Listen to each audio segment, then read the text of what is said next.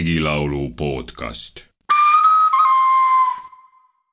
Ära pean mina minema, ära pean mina minema. Minema, ära haista rahva haista, ära haista rahva haista nutma jäägu, kes mind näevad. nutma jäägu, kes mind näevad kiri tulnud keisarista, kiri tulnud keisarista. Krista raamat Prantsuse sõjast, raamat Prantsuse sõjast piibel pohla piiri pealt, peebel pohla piiri pealt vajab miilitsisse sisse. Mehe vaja meeled sisse. Poissa vaja polgu peale, poiss vaja polgu peale. Peale juurikas meil kandis käsku. Juurikas meil kandis käsku. Tükimikku mitu käsku, teki mikku mitu käsku. Käsku puuju paju palju käsku, puju paju palju käsku leoski liibe järele,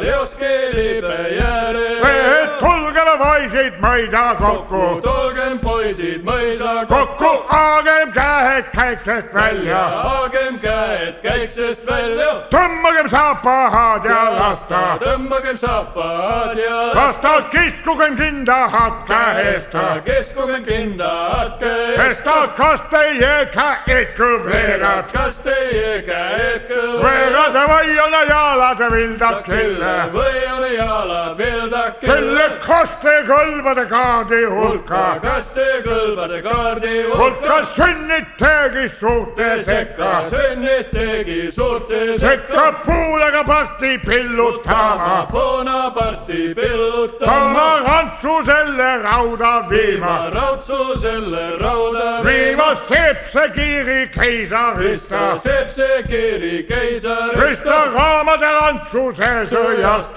raamat Prantsuse sõjast tõsta piibel pohla piiri pealt, peebel pohla piiri pealt. Pealt.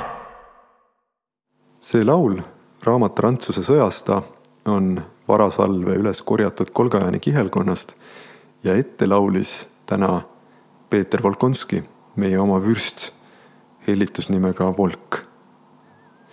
minu nimi on Indrek Kohv ja mul on jätkuvalt väga hea meel, et mul on võimalus koos teiega neid põnevaid regilaule siin kuulata ja pärast iga laulu lasta oma mõte lippama just niisugustele radadele, kuhu ta ise soovib minna. muide, ma arvan, et Kartaago tuleb hävitada. mis te arvate, miks ma nii ütlen? noh, küllap teate, et eeskuju võtan ma kunagisest Rooma riigimehest Cato Vanemast, kes lõpetas kõik oma kõned Rooma senati ees just nii, sest ta tõepoolest arvas, et Kartaago kui ohtlik konkurent tuleb hävitada ja ta arvas, et kui seda korrata iga kõne lõpus, siis küllap lõpuks jõuab kohale ja mina olen võtnud niisuguse joone, et siin saates alustan ma alati sellest, et ütlen. Regilaul on meile, eestlastele väga sügavalt ürgomane. ja ehkki meile võib tunduda, et me oleme sellest kaugenenud, me ei tunne enam eriti regilaule, me ei laula neid, see ei ole meie elus võib-olla enam, ütleme, selline loomulik osa, me ei ela igapäevaselt selles keskkonnas. aga mina arvan ikkagi et me ei tohiks sellest päriselt lahti lasta ja me peaksime püüdma elada kuidagi nii, et me seda päriselt ei unusta. ja just nimelt, isegi kui me oleme kolinud linna või kui me elame kuskil maal väga linnalikes oludes, on selles regilaulu maailmas või selles, kuidas vana regilaul maailma näeb ja kajastab, minu arust midagi sellist, mis annab meile mingisuguse vundamendi, mingisuguse tugeva aluse mille peal me saame püsida ka siis, kui tõsine torm üle käib.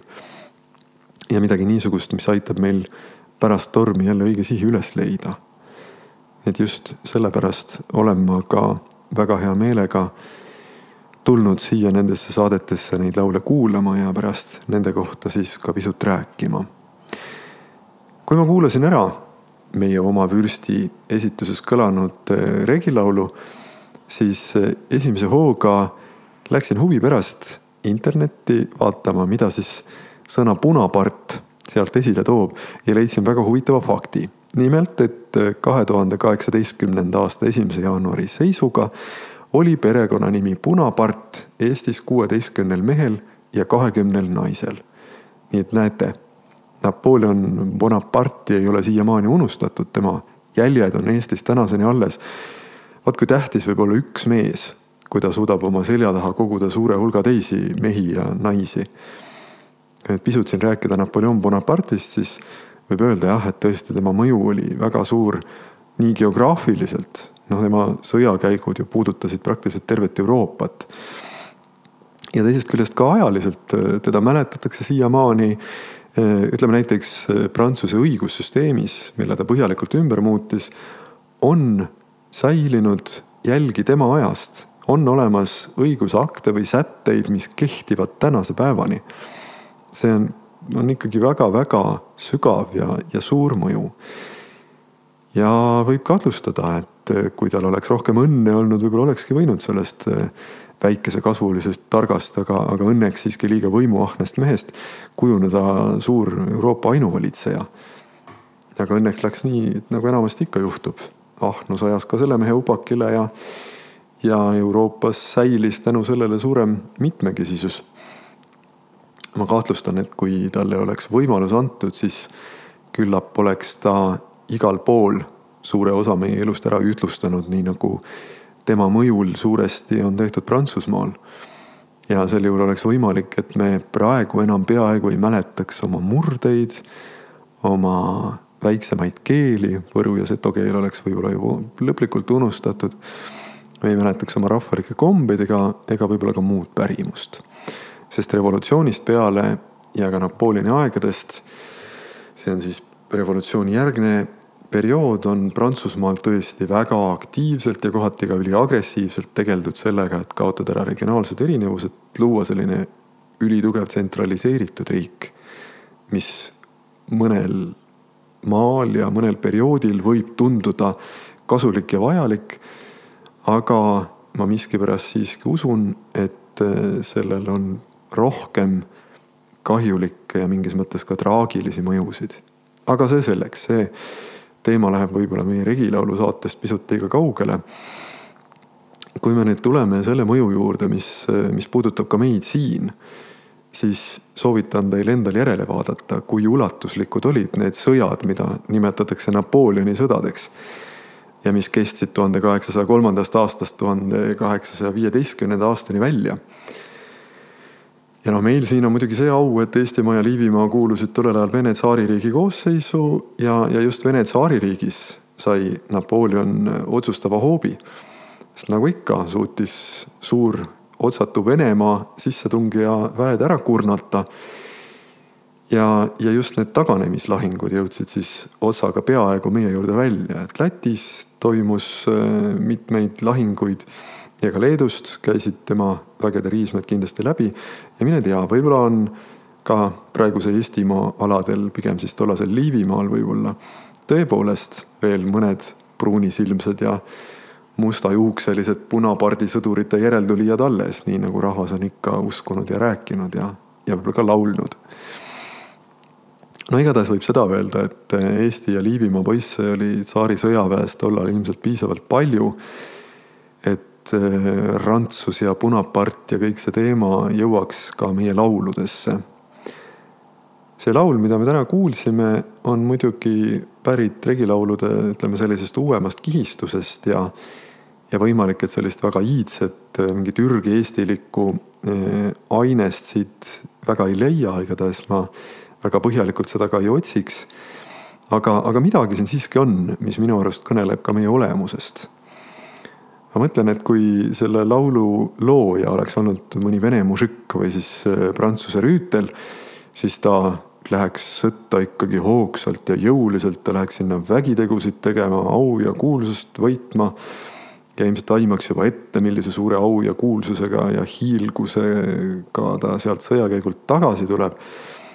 aga meie laulus, selles Eesti oma laulus on nii, et ehkki lõpupoole tõesti räägitakse ju ka sellest, et vajatakse mehi, kes lähevad punaparti pillutama ja rantsusele rauda viima, jätab selle laulu algus minu arust ikkagi mulje, et asi käib väga vah-, vastu tahtmist ja noh, see on ju arusaadav, ikkagi suur ja võõras vägi, kuhu poisse võetigi. vastu tahtmist ja, ja see kõik käib ikka nukrusega koos. Laul ütleb, nutma jäägu, kes mind näevad.